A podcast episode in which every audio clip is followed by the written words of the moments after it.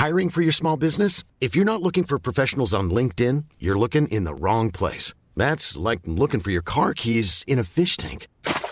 LinkedIn helps you hire professionals you can't find anywhere else, even those who aren't actively searching for a new job but might be open to the perfect role. In a given month, over 70% of LinkedIn users don't even visit other leading job sites. So start looking in the right place. With LinkedIn, you can hire professionals like a professional. Post your free job on linkedin.com slash people today.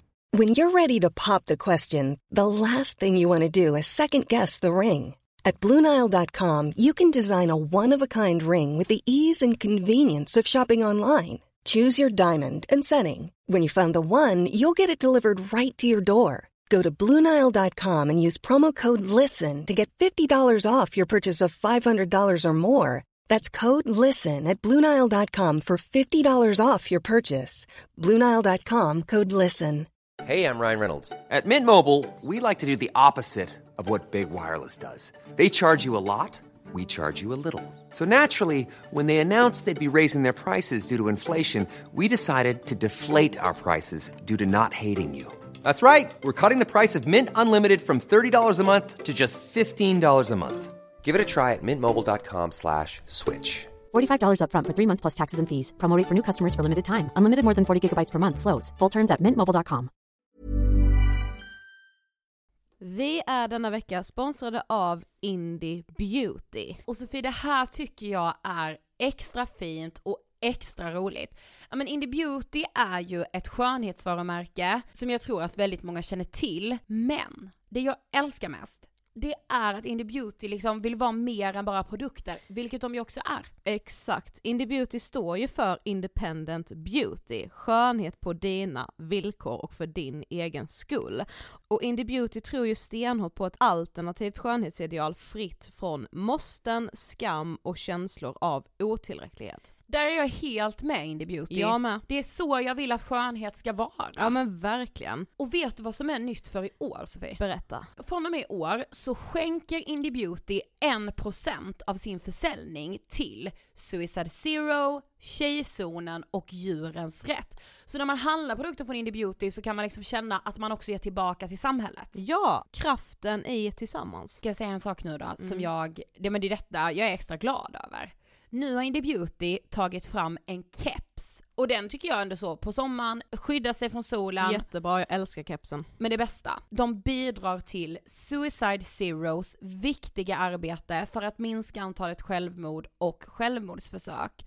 Så för varje såld keps så går hela vinsten, 100 kronor, direkt till Suicide Zero. Då kan man liksom göra nytta både för samhället och sin hud på en och samma gång. Ja, och kepsen kostar 169 men alltså hela vinsten går då som sagt till Suicide Zero. Mm. Så om man vill göra skillnad när man är där ute i solen, nu när den börjar titta fram, då ska man välja den här kepsen. Den säljs exklusivt på indiebeauty.se och på Apotea. Tillsammans kan vi skapa en ljusare framtid. Vi ses med kepsarna på! Tack Indie Beauty! Vi är sponsrade av Mindler och som ni säkert vet sedan tidigare så är vi ju ute på psykologresan tillsammans. Men hur vet man egentligen när det är dags att söka hjälp? Ibland uppstår saker i livet som kommer utmana oss och kännas tufft. Det mesta självläker vi oss igenom, för vi är menade att ta oss igenom en viss mängd påfrestningar. Men ibland behöver man professionell hjälp för att ta sig ur jobbiga perioder i livet. Men vart går då gränsen? Vad är en del av livets skavighet och när är det läge att söka hjälp?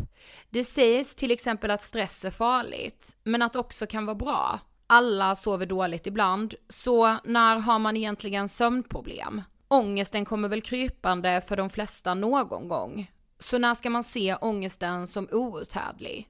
Hur vet jag?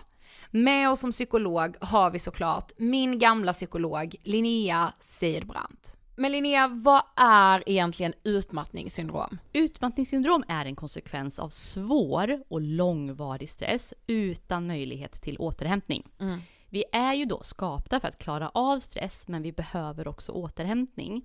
Om du utsätts för för mycket stress under en lång period utan att du får till den nödvändiga återhämtningen så kommer kroppen till slut att säga ifrån. Och det är faktiskt så att alla har en gräns.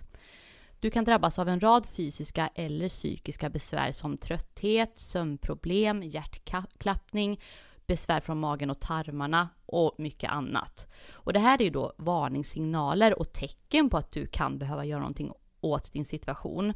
Annars så kan besvären utvecklas till att du mår så dåligt på sikt att du blir psykiskt och fysiskt utmattad. Ladda ner Mindler till din telefon och läs mer på mindler.se.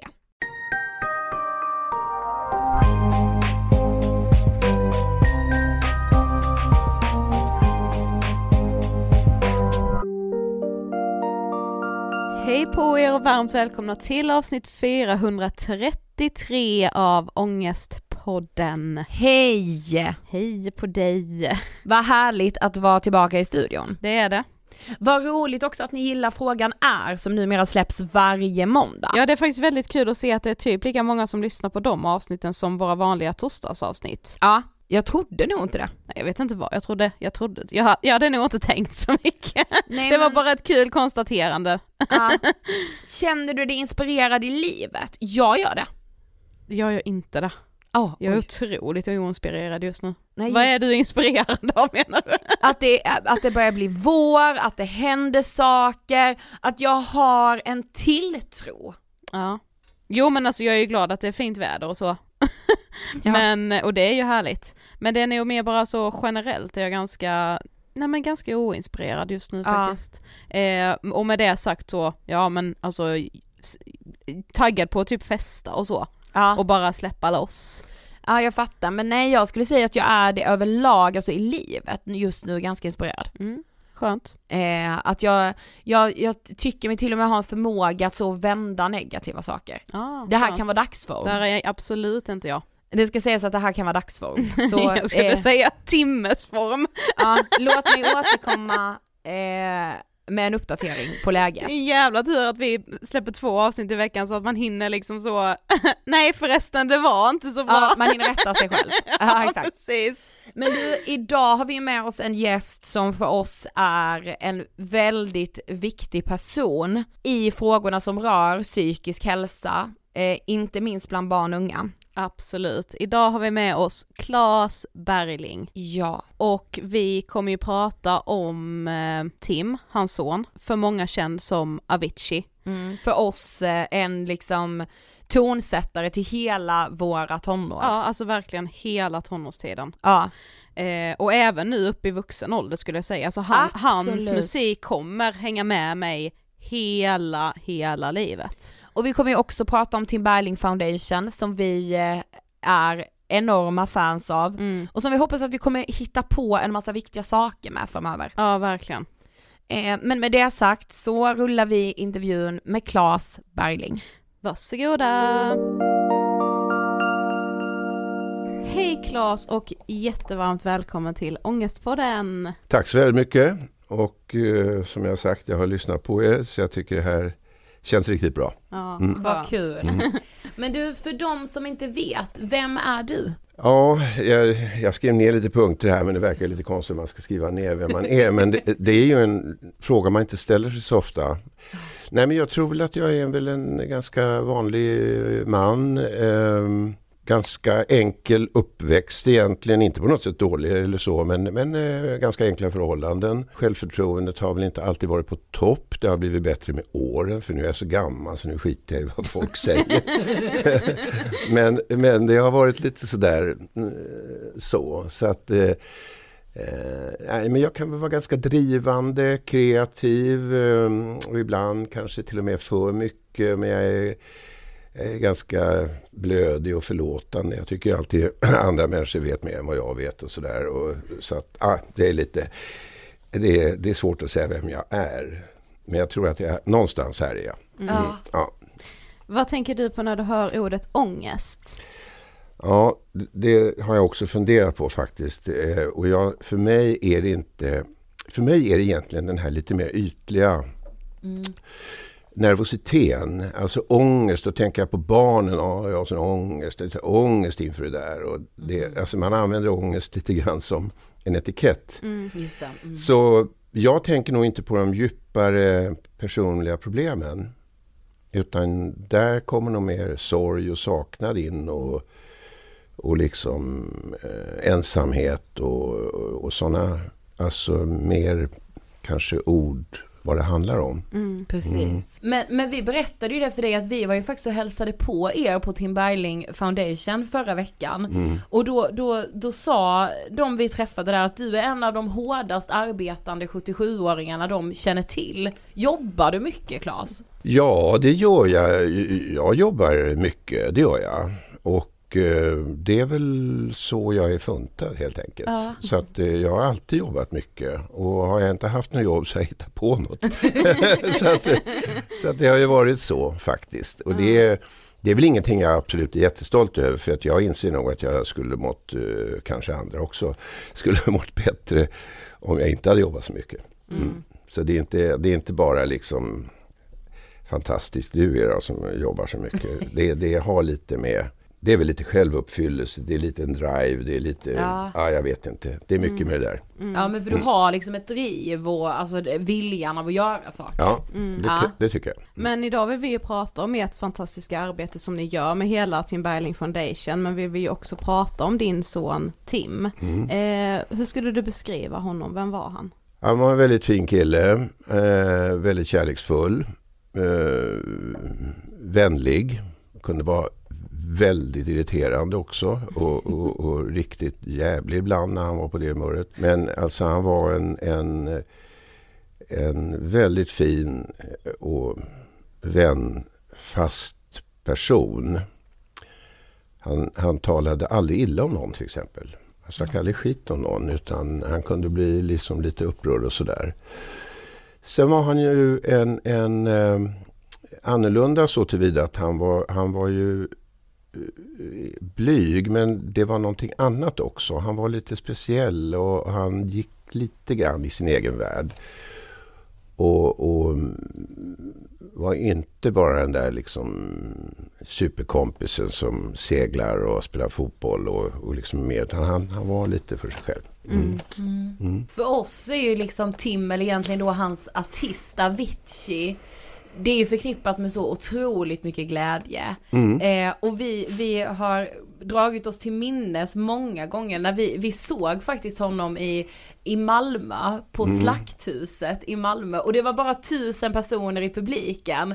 Oj. Och vi har känt oss lite coola att vi var liksom ah. före Det var tidigt det. Ja, ja var 2011 var det. Mm. Oj. Och, vi, och det var bland våra första konserter, för vi hade precis fyllt 18 mm. och vi kände att gud vi har upptäckt någonting här nu ja. som alla inte har fattat. Ja.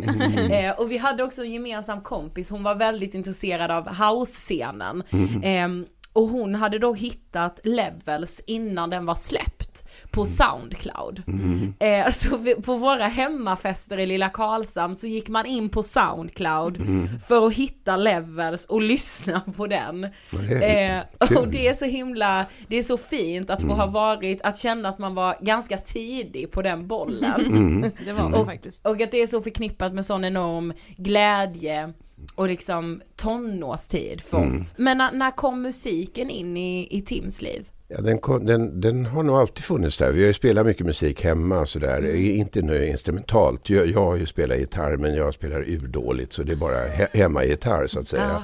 Så det har nog inte inspirerat honom. Men, men vi har ju spelat mycket musik. Ja. Uh, rock, blues, allt möjligt under åren. Så jag tror att det var där han fick mycket intresse för annorlunda genre också. Men sen kom väl det här på riktigt eh, när han höll på med gaming. Mm. Där blev han ju han blev ju högt rankad inom någon sån här ja, spel som inte jag riktigt begriper. Men, men han blev det i alla fall. Mm. Och i det sammanhanget så kom han i kontakt med Fruity Loop tror jag det heter. Ett musikproduktionsprogram. Och upptäckte att han kunde göra låtar. Mm, han var ju blixtsnabb så att han kunde ju överföra idéerna och få ihop det. Va? Och då började det ta fart. Jag, jag vet inte, kanske 15, 16, 17, jag liksom, kommer inte ihåg exakt. Mm. Men sen var det ju all in där alltså. Det, det, var ju sån han var. När han blev liksom fokuserad på någonting då blev det väldigt eh, väldigt mycket så att säga. Mm. Han blev hängiven. Liksom. Han blev totalt hängiven ja. och jobbade väldigt mycket med det. Mm. Mm. Ja. Men när förstod du som pappa hur, hur begåvad han var? Ja, det där är svårt. Det, det, det tog nog väldigt många år. Och jag känner ju fortfarande liksom sådär. Jag eh, eh, hade en intervju igår med en amerikansk radiostation. En kille mm. som jag pratade med tidigare en gång som är en jättetrevlig person. Alltså vi hade verkligen ett bra snack sådär. Mm, ja. och, eh, och han frågade mig, ja, men hur, har du också hört det att Tim jämfört med Elvis Presley och så? Mm. Nej, det har jag inte gjort. Så. Men du kanske har det. Då, då blir det sådär overkligt alltså att någon ens tänker de termerna. Mm. Och, och, och, det är väl lite typiskt som det är som förälder. Mm. Ja. Det är nog det som är lite otacksamt för barn också. Eh, det här att man blir liksom inte eh, riktigt uppmärksammad alltid. Nej, men det är svårt att ta in det. Ja, liksom. det är svårt. Det är jättesvårt att ta in. Mm. Och de pratar om superstar och, och redan då när Tim levde och sådär. Ja. Eh, så, så, skulle de kategorisera honom när man pratar med de här amerikanska musik uh, entertainment lawyers, såna här som tar mm. alldeles mycket betalt. Uh, super, you know, super famous, super artist. Det känns bara jättekonstigt allting. Men ibland tänker jag att det, det, Ja men jag tänker att det mm. också är meningen att man inte ska kunna ta in det. Alltså för just relationens skull. Alltså ni är, var ju far och son och ja. lika mycket som man är liksom kompisar eller syskon. Mm. Alltså man ska liksom inte, man ska nog inte kunna ta in det riktigt. Nej, jag skulle nog inte vilja göra det heller. Nej, för att, eh, då skulle jag nog vara en annan person. Mm. Bra eller dåligt vet jag inte. För det, det, finns ju de som rider enormt på sina barns framgångar naturligtvis. Mm. Och det är väl också inte mycket att säga om det. Men, nej. men, eh, nej, men eh, så är det. Dessutom så blir man ju då väldigt stolt när man får höra såna här saker som, som vi får höra då och då. Och då, då blir man ju både rörd och stolt. Men kunde han spela upp musik för dig? Kunde han visa så? Kolla pappa, det här har jag gjort. Eller? Ja, absolut. Ah. Alltså, han skickar ju oss låtar hela tiden. Ah. Vi kommunicerar ju på mejl. Han var ju i Los Angeles och vi satt i Stockholm. Och han skickar låtar och, och och vi kommenterade. Mm. Ja, så att uh, Addicted to you kommer jag ihåg speciellt uh, Audra May när hon sjunger. Det är en viss passage där. Mm. Uh, drowning in you, fast hon gör det. Hon veilar lite på ett sätt som är yes. fantastiskt. Uh. Så att det är inte där, det där liksom är. och, och sen en annan låt som han gjorde med Nile Rodgers. Och den heter Lay Me Down, men det är en mm. fruktansvärt bra låt. Mm. Och så började den inspelning som Tim gjorde, den började med ett intro som de sen ändrade på, vilket jag inte ah. alls fattar. Men det var ett intro som var, det var liksom bara en gitarr som gjorde ett jävligt tufft anslag. Ah. Eh, och sen spelade jag gitarren lite grann. Och då sa jag till Tim, det där låter ju som det låter ju som gitarren i China Girl och Let's Dance. Ah. Ja, men det är ju samma. Det är ju samma kille. då, då blev jag lite, vad heter det, starstruck. Ja, ja just. Nile Rodgers liksom. Ja. Ja. Men minns du liksom om eller när Tim började må dåligt? Ja, det gjorde han ju som barn. Alltså, han mm. hade ju en, en släng av uh, detta kanske i 14-årsåldern, mm. tror jag. Mm då han kände lite sånt här utanförskap, liksom kände sig lite utanför sig själv. Och det, det här är ju inte ovanligt just barn och unga. Det är ju en enorm utvecklingsfas egentligen. Mm. Där man inte kanske hänger med. Eh, vem är jag? Och, och då kan det bli att man hamnar i såna här tankar. Jag har själv haft det som barn och ung så jag, jag var väldigt bekant med, med det hela. Men då gick vi till en psykolog och eh, fick hjälp så att säga. Så det kan man väl säga, det är väl den gången som som eh, första gången om man säger så. Mm. Sen är det väl så här att Tim var ju inte öppen som en bok även om han kunde ringa mig om väldigt allvarliga saker och, och det är ett förtroende jag är väldigt glad för att han gav mig så att säga. Så just det där innersta var han inte så pratig om. Sen är det ju så här när man lever som artist. Det, det tror jag. Man behöver inte ta Tims karriär. Man kan ju nästan var och varannan artist som berättar om sig själv har ju åkt den här Mm. och dalbanan. Så, det, så många är ju bara tur att de lever, Mm. faktiskt. Men hur var det för dig som pappa då att eh, liksom, ja men att märka att han mådde dåligt? Kunde du känna dig maktlös? Ja, det gör man. Mm. Absolut. Speciellt när det är en man som är myndig, tjänar sina egna pengar, tar egna beslut. Mm. eh, har en, en liksom är på toppen av en hierarki. Det är, alltså det är väldigt svårt och jag tror att det är överhuvudtaget svårt att tala om för sina barn hur de ska göra. Det, det är ju, nu gör vi så här. Ja, det har väl inte alltid varit helt oavsett vem man pratar med. Nej. Men det är visst, absolut, svar på din fråga, ja Mm. det kan man nog säga. Mm. Det, det, det är en svår problematik, speciellt om det kommer in eh, droger eller medicinering i bilden som är lite halv på gränsen sådär. Va? Mm. Mellan någonting man behöver och någonting som man inser att det här vill jag ha lite mer av. Då, Ja. blir, då blir det ju den här hybriden mellan läkare som skriver ut någonting men det gör faktiskt betydligt mer skada än nytta. Mm. Ja. Ja men då det, det tänker jag också återkommer hos, hos många anhöriga. Dels som vi har kontakt med i Ångestpoddens arbete. Just den här maktlösheten och exakt som du också beskriver Claes. Att så här, men det här är ju en myndig person. Mitt, det är mitt barn men, men barnet är vuxet och Ja. har det egna ansvaret. Då blir liksom den här maktlösheten så enorm. För man, som du säger, man kan inte gå in och säga nej, nu gör vi så här. För det är ju en myndig Nej. person. Man Ja, kan ja, inte ja, bestämma och styra. Men, men som anhörig till någon som mår dåligt och detta har vi också mycket erfarenhet av. Så alltså det spelar ingen roll om man är förälder eller syskon eller, eller kompis. Eh, att man ibland måste ändå ställa krav eller liksom ställa hårt mot hårt och, och lägga alla korten på bordet. Men det är ju så himla himla svårt att göra det. Jättesvårt. Gjorde ni det någon gång? Ja, vi gjorde det flera gånger. Mm. Vi, vi var ju... Eh, eh, första gången var väl tillsammans med...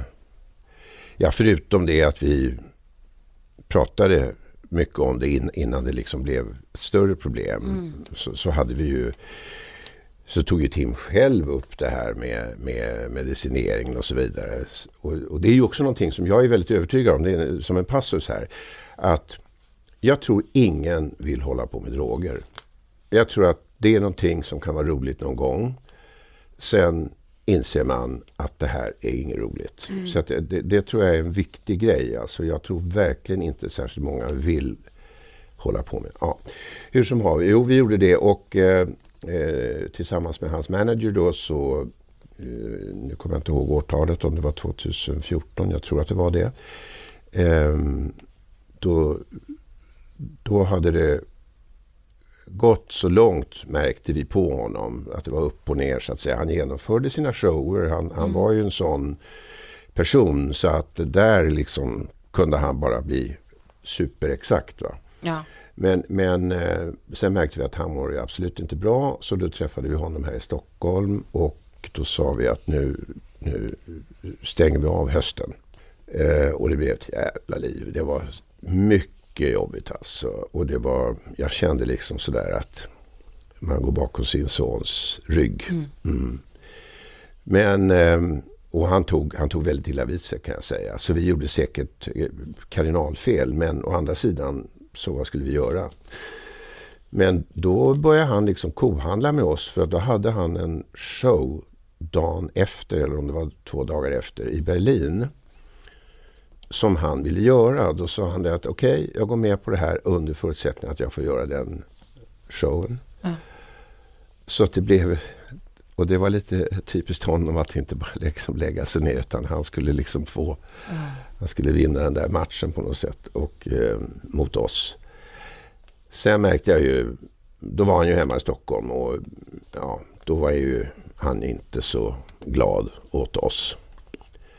Men han var där några månader och sen så, så tog han sitt pick och pack och stack. Vi kunde inte göra någonting. Tillbaks till Los Angeles. Sen gjorde vi faktiskt samma sak igen. Eh, på Ibiza då hade vi en stor intervention. Och den var ju om något ännu läskigare för då var det ju hela hans team, alltså tour manager, manager, alla hans kompisar, hans syskon och vi kom överens om att eh, Tim måste acceptera och hoppa in på någonting som heter Ibiza Khan som var en väldigt fin liten väldigt personlig liten gård som låg ute på landet där på Ibiza. Så det, det var liksom ett perfekt ställe. Eh, och då träffades vi dagen innan och vi gjorde upp om det här och så, så var dealen att om Tim inte går med på det här så åker alla hem. Utom jag. Jag stannar ju kvar naturligtvis. Och sen träffades vi nästa dag och det var om möjligt ännu läskigare. För då, då satt ju vi alla där och så ser jag Tim komma ner och, och jag ser i hans ögon att han förstår att det är någonting här. Han visste inte att ni alla skulle vara Nej, samlade? nej, nej, han hade väl anat. Och han, sen anade han när han kom ner i, till köket där, där vi satt där. Och jag, ja, det var så... eh, Men det fanns ju inte heller någonting. Och, och resultatet blev ju att han långt in på natten gav med sig. Då hade vi suttit i ring runt. Vissa hade fått gå ur den här ringen och så fortsatte samtalen. Och sen när han äntligen gav med sig så ble- blev det jubel i det här huset som ja, helt eh, saknar motstycke. Eh, och sen eh, åkte han då till det här stället och träffade en äldre man som var psykolog som jag tyckte var väldigt fin. Och där inträdde en förändring faktiskt till det absolut bättre. Sakta men säkert så började Tim liksom hitta, hitta sig själv. Och det var ju efter det som han eh, lite senare in på året där eh, efter skrev det här brevet att han hoppar av. Mm. Så att men det var intressant där på kvällen för då säger han så här då när han till slut säger ja. Så sa han att ja, jag hade bestämt mig för länge sedan. Jag skulle bara se hur länge ni orkar. alltså det var den där... Ja. Lite tävlande så. Ja, det var den där stilen. Jag vet inte vad... vad men han vill ju inte... Alltså han var stolt. Ja. Och det är klart att det, det, ska man väl vara. Men jag tänker om man lyssnar på det här som anhörig på något sätt eller som vän och, och känner någon eller har någon runt omkring sig som man känner att man behöver ha en sån här intervention med. Men alltså det är så lätt att skjuta på det för att det är typ, alltså den situationen är så enormt jobbig att vara i. Alltså hur hittade ni styrkan där tillsammans att faktiskt ha det? Alltså hur ska man försöka tänka för att orka, orka ta tag i det? Nej, men man måste väl ha någon som är väldigt kunnig. Som talar om för en hur det här ska gå till. Ja, hade ni det? Ja, det hade vi. Eh, Och jag tror att han var hyfsat rätt. För att det, som jag berättade så blev det ju, Ja. han hamnade i en miljö sen. Så. Men jag tror att det är jätteviktigt att, att man har möten med någon innan så att man vet hur det här ska gå till. Och någon man verkligen känner förtroende för. Och sen måste den personen vara med. Det måste finnas en... Att kunna ta hand om allting som kan ploppa upp under det här samtalet eh, eller interventionen. Jag tycker ordet är också lite sådär. Ja. Det är, det är lite Ukraina. Ryssland. Ja, jag Ja, vet jag det vet. låter Ja. så himla Ja, jag, på något ja, jag tycker mer att det är en hjälpinsats. Ja. Det är liksom en, en, eh, en vän, vän, En gemensam- väninsats ja, alltså. Det är en det gemensam faktiskt. stödinsats. Ja, Ja. ja, det är vänner till vänner va. Ja, Ja, verkligen. precis. Eh, hur, hur viktigt det är. Eh, och sen så tror jag man måste förstå också att det där går inte på fem minuter om, Nej. beroende på vad det är för situation. Nej. Men alltså absolut, det är klart att, att det, är, det är värt att försöka. Och, och sen så måste ju mm, föräldrar måste få hjälp och stöd i sådana här situationer. Mm. Det är jävligt svårt alltså. Ja, men Ja. det, ja det är det och man ska ju också, någonstans så får man landa i själv att men vad är alternativet? Alltså jag gör ju det här av kärlek och jag gör det för att jag måste någonstans. Även om det är så svårt och jobbigt. Och just den här känslan som du också beskriver av att det känns nästan som man går bakom ryggen. Ja, det är det absolut. Ehm, Den är väldigt stark. Precis. Men ibland får man göra det. Ja. men precis, för ibland, det är ju som att det inte liksom Ungarna går ju bakom ryggen på en. Ja, hela tiden. Snor ens Ja. bil eller Ja, ja, snor ens sprit eller vad Ja, de- jamen. Ja, Får man göra lite tillbaka kaka liksom. Ja, precis. så kan man säga. Ja, ja men faktiskt också. Det blir lite bra ord tycker jag. Ja, en Tillbakakaka. I'm Sandra, and I'm just the professional your small business was looking for. But you didn't hire me because you didn't use LinkedIn jobs. LinkedIn has professionals you can't find anywhere else, including those who aren't actively looking for a new job but might be open to the perfect role, like me. In a given month, over 70% of LinkedIn users don't visit other leading job sites. So if you're not looking on LinkedIn, you'll miss out on great candidates like Sandra. Start hiring professionals like a professional. Post your free job on linkedin.com/people today. Quality sleep is essential. That's why the Sleep Number Smart Bed is designed for your ever evolving sleep needs. Need a bed that's firmer or softer on either side? Helps you sleep at a comfortable temperature? Sleep Number Smart Beds let you individualize your comfort so you sleep better together. JD Power ranks Sleep Number number 1 in customer satisfaction with mattresses purchased in-store. And now, save 50% on the Sleep Number limited edition Smart Bed for a limited time. For JD Power 2023 award information, visit jdpower.com/awards. Only at a Sleep Number store or sleepnumber.com. Life is full of awesome what ifs, and some not so much, like unexpected medical costs. That's why United Healthcare provides Health Protector Guard fixed indemnity insurance plans to supplement your primary plan and help manage out of pocket costs. Learn more at uh1.com. För att man liksom som, ja men En vänlig tillbakakaka. Ja, Mm. ja, speciellt som förälder också när man kan känna sig så himla hjälplös och sådär, ja men nu får jag faktiskt göra det här Mm. för Mm. eh, barnen har säkerligen gått bakom ryggen Ja. någon gång. Ja, Mm. det kan man Mm. vara säker på. Ja, det har jag gjort på mina föräldrar. Ja, så, ja, men, ja, ja, jag också. 2018 så tar ju Tim sitt liv. Mm. Eh, och när, när en anhörig tar sitt liv så är ju det förenat med enorm chock. Mm. Alltså hur var den här chocken för, för er? Eller för dig? Ja, alltså den, den går ju inte riktigt att beskriva. För den, alltså det är ju som du säger, det blir en chock. Mm. Först så, ja det blir en, en alltså det är som att, att du går över gatan och plötsligt ser att det kommer en bil och du, du har en miljondels sekund på dig att komma undan. Eh, Och, och, för då rinner ju, alltså, jag vet inte hur jag ska beskriva det, men, Nej. men alltså det händer ju fysiskt, psykiskt. Det, det är en, och det är en upplevelse du tror att du aldrig ska klara av. Eh, Det, så är det ju. Va? Mm. Så att, eh, och sen, sen så kommer ju, eh, här är jag ingen expert på det här, det här är ju intressant egentligen att få höra någon expert någon gång. Men sen så kommer ju, chocken gör ju att, att det sätter in liksom nödvändiga motkrafter så att man orkar.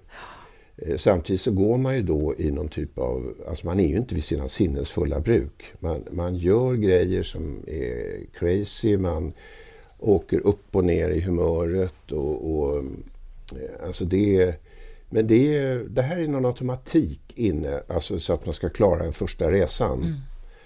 Som pågår faktiskt ganska länge. Så, Mm. eh, sen, sen, sen går ju sorgen in i andra, i andra lägen så att säga. Och man kan väl säga så här nu eh, när vi snart är fem år efter att, att den, eh, den är mer befäst. Den är i många fall mycket tyngre.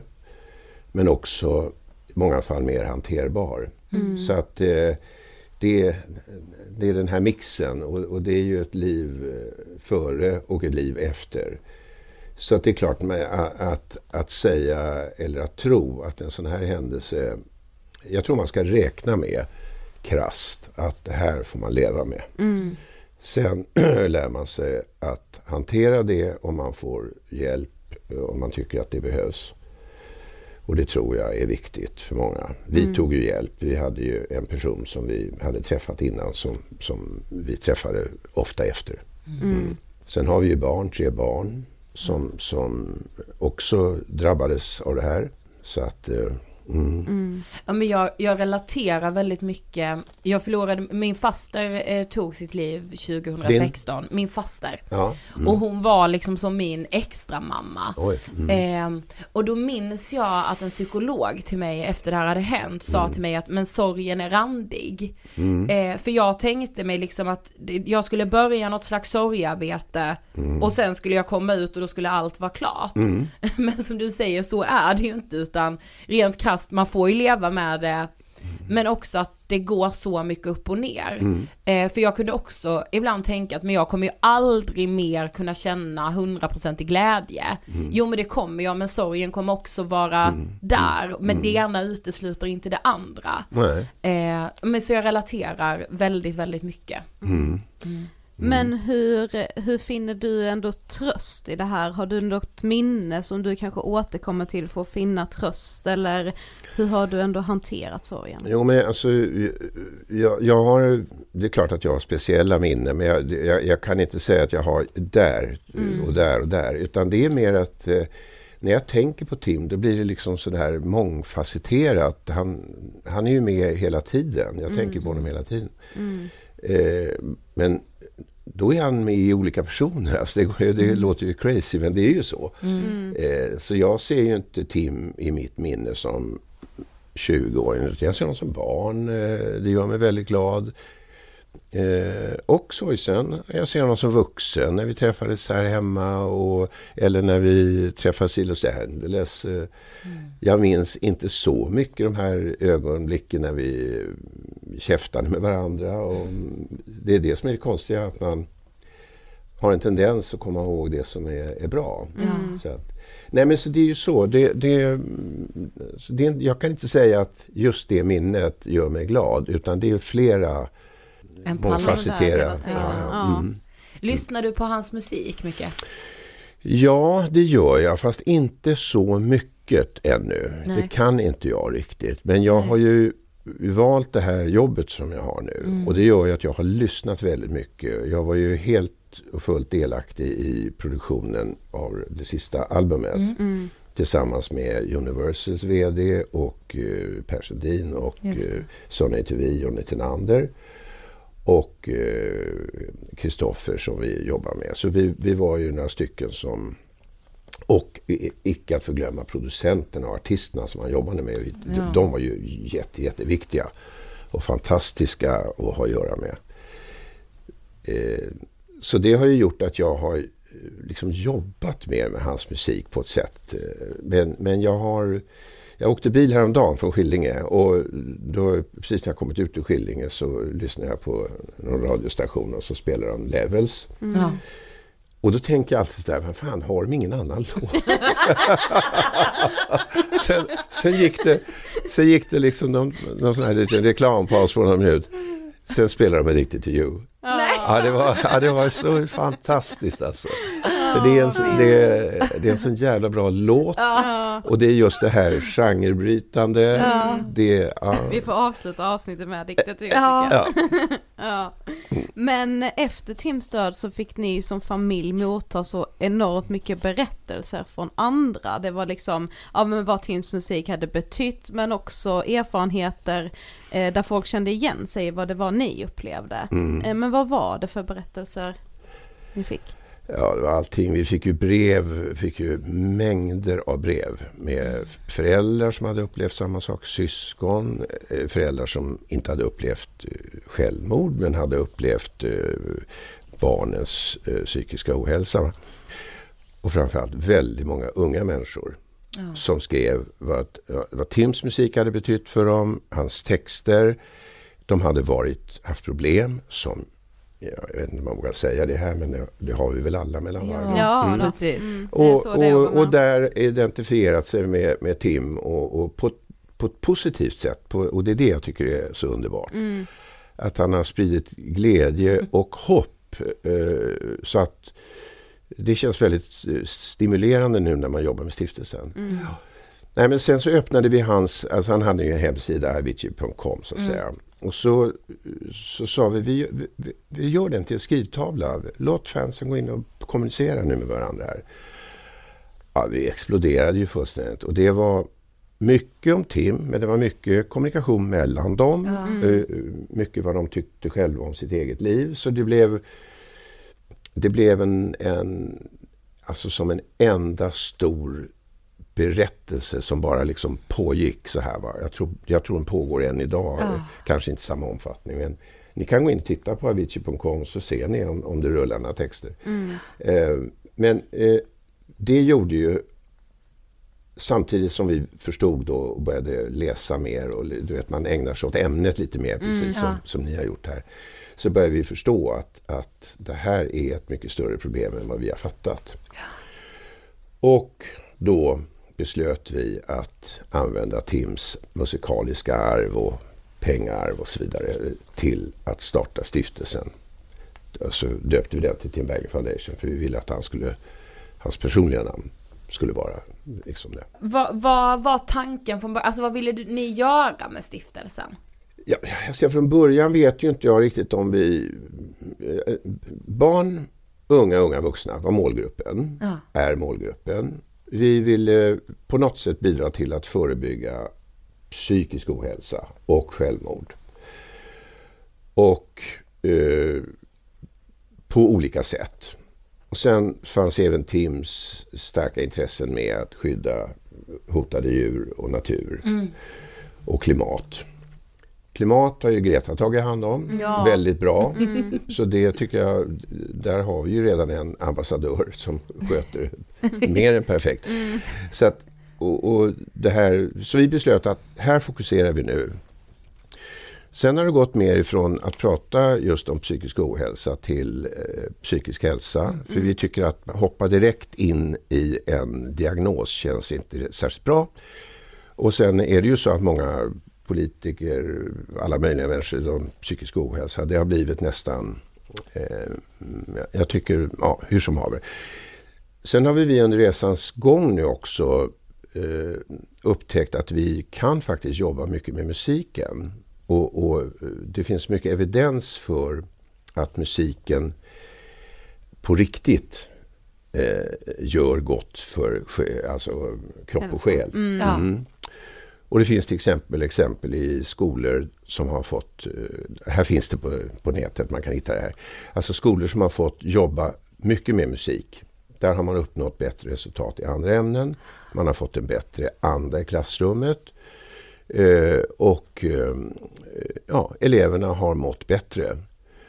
Så att eh, här, finns det, här finns det mycket att göra och det känns jättekul för det liksom Tims DNA som vi kan börja jobba med på olika sätt. Nej, men- jag tycker också det är så intressant med just musiken och Alltså egentligen när jag bara går till mig själv och tänker, ja det är klart att det är, att lärandet blir bättre, att det blir, man får vara i en kreativ miljö, det händer något annat, alltså det känns så självklart men jag tycker också att det är så fint att det kan användas för att stärka det mentala. Eh, det är helt fantastiskt. Ja men tänk dig själv, alltså vi, vi, vi, vi, tar ungar i fjärde, femte klass eller någonting sånt där. Som inte får göra detta. Eh, eh, och så tar vi de som får göra detta, som har en bra musiklärare och så får de, som vi nu jobbar med, Make Music Matter som det heter. Ja. De får tillgång till ett produktionsprogram där det ligger låtar inlagda. Just nu är det timlåtar. Ett annat år är andra låtar. Eh, men de ligger där så de kan börja liksom, de får en starthjälp. Och sen gör vad ni vill, sy ihop er egen låt. Eh, och så får de jobba med det här.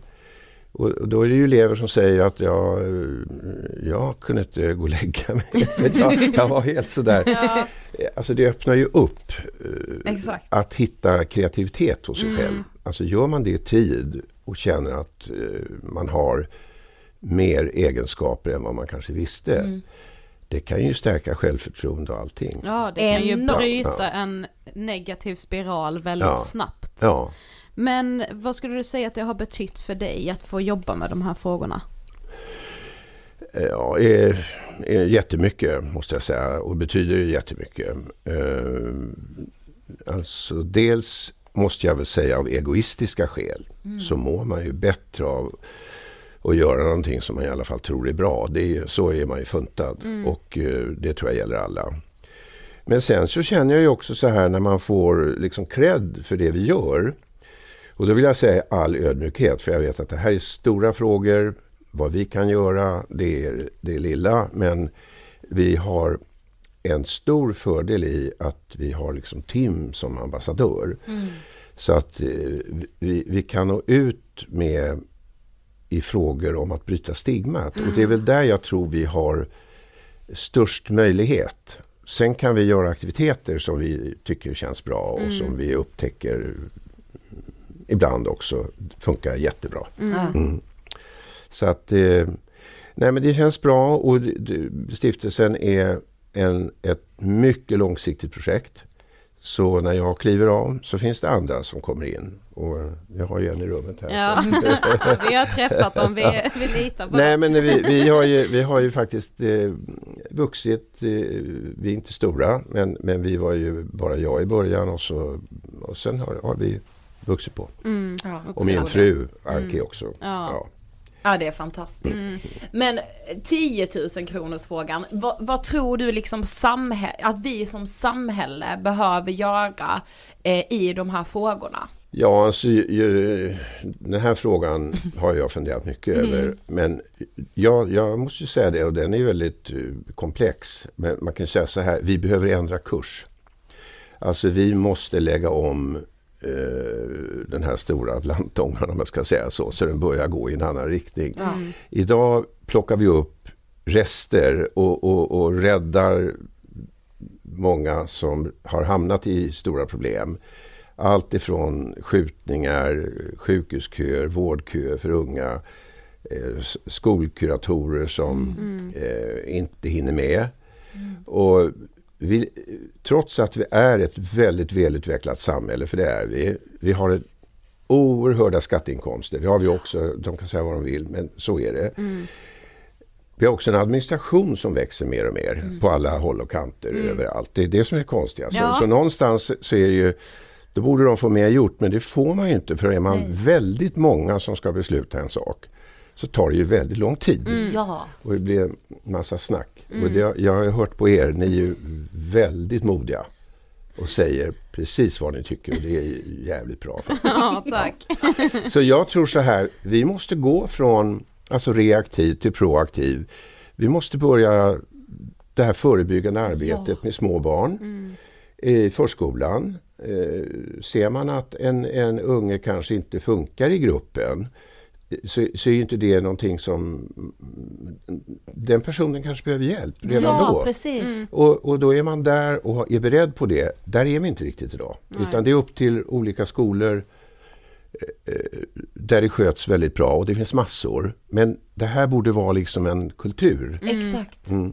Och inte liksom fastna i, oj vem har ansvaret nu? Vem Nej. är det som ska ta det här? Ja. Alla borde vilja ta ansvaret ja. och säga, nu gör vi det här ihop. Precis. Eh, ja.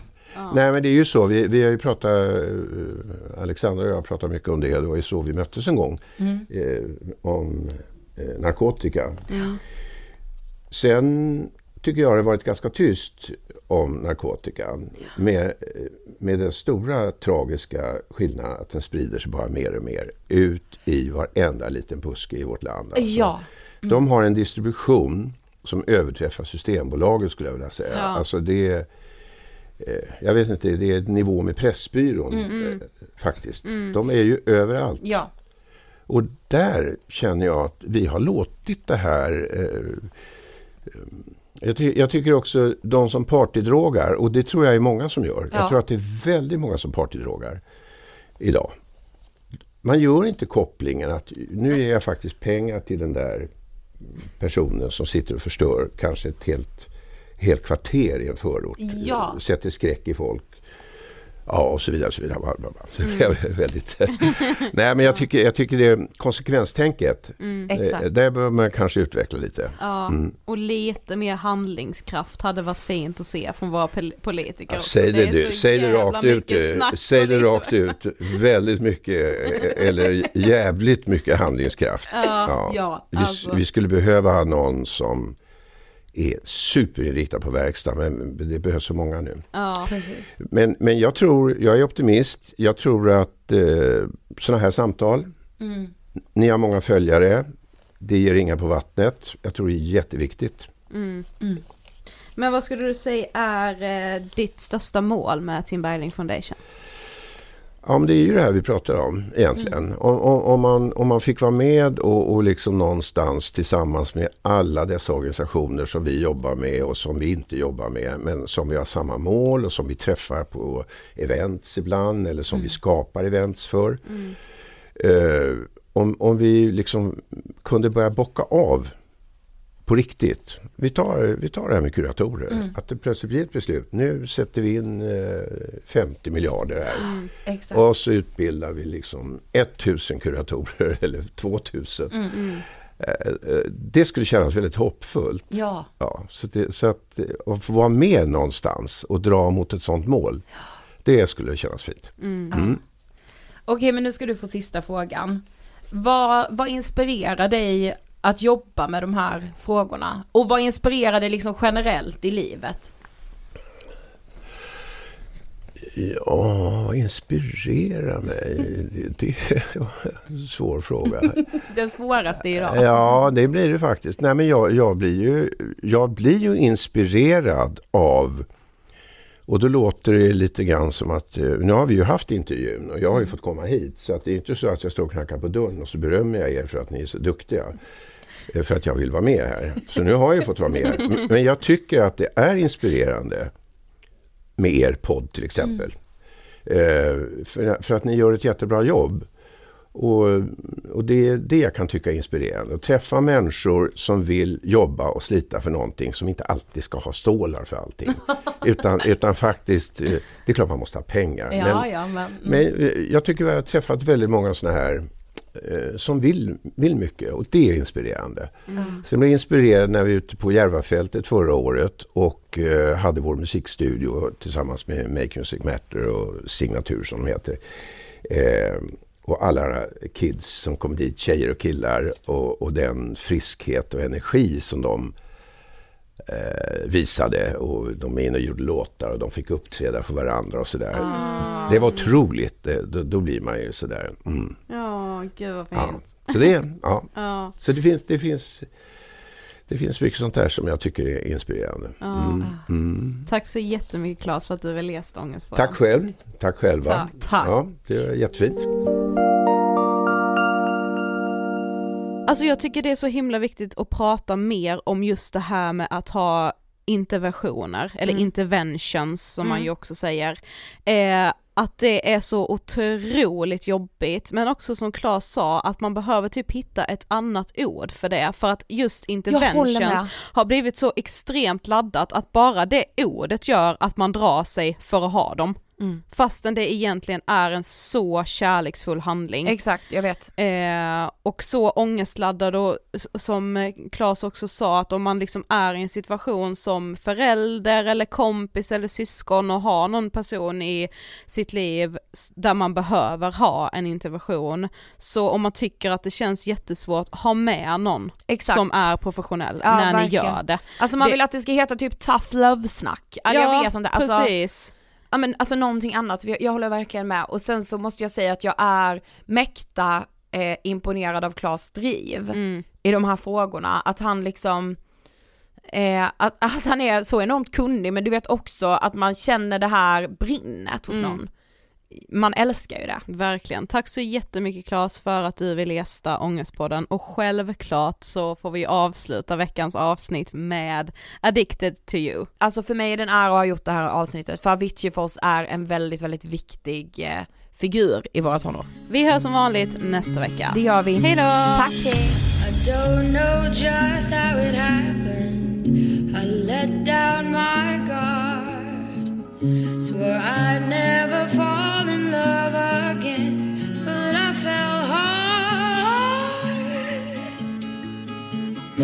Guess I should have seen it coming, caught me by surprise. Wasn't looking where